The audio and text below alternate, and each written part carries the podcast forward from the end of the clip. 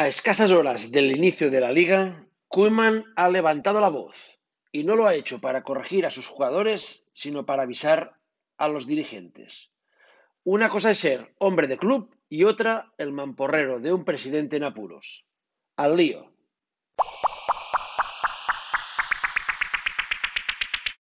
Se me ha convertido en el malo de la película, pero no lo soy. Se ha hartado Kuman de que Bartu y los filtradores directivos le colgaran a él todos los marrones y ha salido en rueda de prensa a anunciar lo que muchos ya sabíamos, pero los intoxicadores querían ocultar. Que la limpia de apoyos de Leo en el vestuario no obedecía a motivos deportivos del entrenador, sino político-económicos de la directiva. Kuman ha renunciado a mucho para poder cumplir el deseo de casi todos los técnicos del mundo entrenar al Barça de Messi, pero no está dispuesto a que le tomen por tonto. Eso es importante, que diría Errejón. Compra Ronald Kuman que se vayan los veteranos. Compra Ronald Kuman que no vengan expertos. Y compra Ronald Kuman que, ante la imposibilidad de fichar a nadie de primer nivel, le inunden el plantel de jóvenes promesas en las que Ronald Kuman no cree, ni mucho menos ha pedido. Pero lo que no está Ronald Kuman dispuesto a comprar es que una directiva con fecha de caducidad, digamos que temprana, destruya lo deportivo en aras de lo económico y le cuelgue el muerto a él. No es eso de que se te estén meando encima y te digan que llueve. No, es que llueve a su gusto y ellos te dicen que es el técnico el que está meando. Se vienen meses guapos en los que el equipo y el club dirimirán desencarnadas batallas en dispares terrenos de juego. Mientras Kuman y los jugadores deberán reinventar el equipo, para hacerlo competitivo en el último año de la gallina de los huevos de oro, el club urdirá una campaña cada día con la que confrontar todos los frentes que ha abierto la mayor incompetencia dirigente en 122 años de historia. En el primer escenario será clave, una vez más, Leo Messi. En el segundo se antoja imprescindible Santi Noya. Los dos hombres que lo quieran, Santi, o no lo quieran, Leo, han salvado el mandato de Bartu como mínimo hasta ahora. Y es que Leo ha dicho que hasta aquí. Lo de Santi os lo cuento ahora.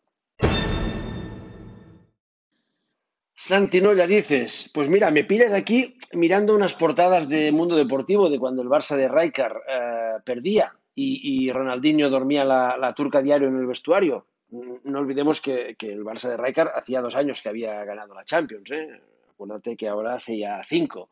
Pues bueno, sí, estaba repasando esas portadas y es curioso porque, porque voy mirando y, en esas portadas pues que sale siempre el mismo, sale ahí el presidente en, unas en primer plano, otras en primerísimo primer plano y otras que casi solo salen los ojos ahí, casi llorando, secándose la sudor, que si caso de toque, si se le van ocho directivos, que si la porta se enroca, manda huevos, ¿eh? la puerta se enroca, que si pañolada, que si no dimito, que si no convence en la entrevista de TV3, que si indignación, que si más pañoladas, una al cuerpo entero, incidente de la puerta en el Prat.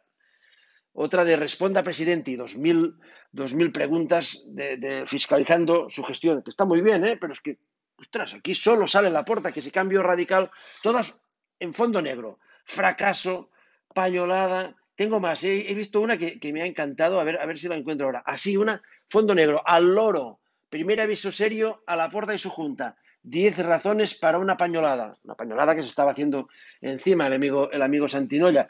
¿Y por qué os, os digo esto? Bueno, os digo esto porque en todo ese tiempo de que el Barça perdía y Ronnie dormía la mona en el vestuario, pues no apareció ninguna portada con, con Ronaldinho, ni una portada de Santinoya, ni una portada de Mundo Deportivo denunciando la falta de profesionalidad de, Ronaldinho y en cambio hoy nos hemos levantado con una editorial alucinante de Santinoya en el que dice así, mucho peor se fue Eto, que ayer se sumó a la fiesta, o Ronaldinho, sin que nadie levantara la voz.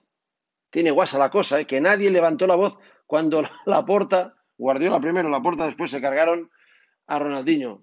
Seguimos. El mundo del tuit selectivo es muy peligroso y al final ha quedado claro quiénes son los que aprietan y dónde está o ha estado la balanza del mando en este club, capaz de exonerar a los futbolistas de los fracasos más sonados. Santi Noya, director de Mundo Deportivo, el hombre que no te habló, que igual que ahora lleva 15 días sin hablarte de la moción, se estuvo tres meses sin hablarte de que Ronaldinho dormía la mona en el vestuario mientras sus compañeros entrenaban y el domingo perdían, te habla, te habla de esto. Y te lo dice, te lo dice el director de un medio que, como te digo, ha escondido durante 15 días la moción de censura más transversal y también la más exitosa de la historia culé y que no ha puesto ni una portada de Bartu desde el infame 2-8 contra el Bayern. Vamos, lo mismo que con la Nada, un fuera de juego no pitado en el gol del empate, un penalti inventado en el de la victoria, una roja para el Betis, del 2-1 al 2-3 y otro día en la oficina del bar. Venga, circulen, que aquí no hay nada que ver. Pues eso, escandalazo para empezar una liga igual que terminó la anterior. Se fue Cristiano y llevó el. No les alcanzará para Europa, pero les conseguirá en la liga lo que no conseguían ni con los goles del portugués. La cosa es sencilla. El bar revisa lo que unos deciden que se revisa. Todo lo que pase en el área rival susceptible de ser penalti se revisa.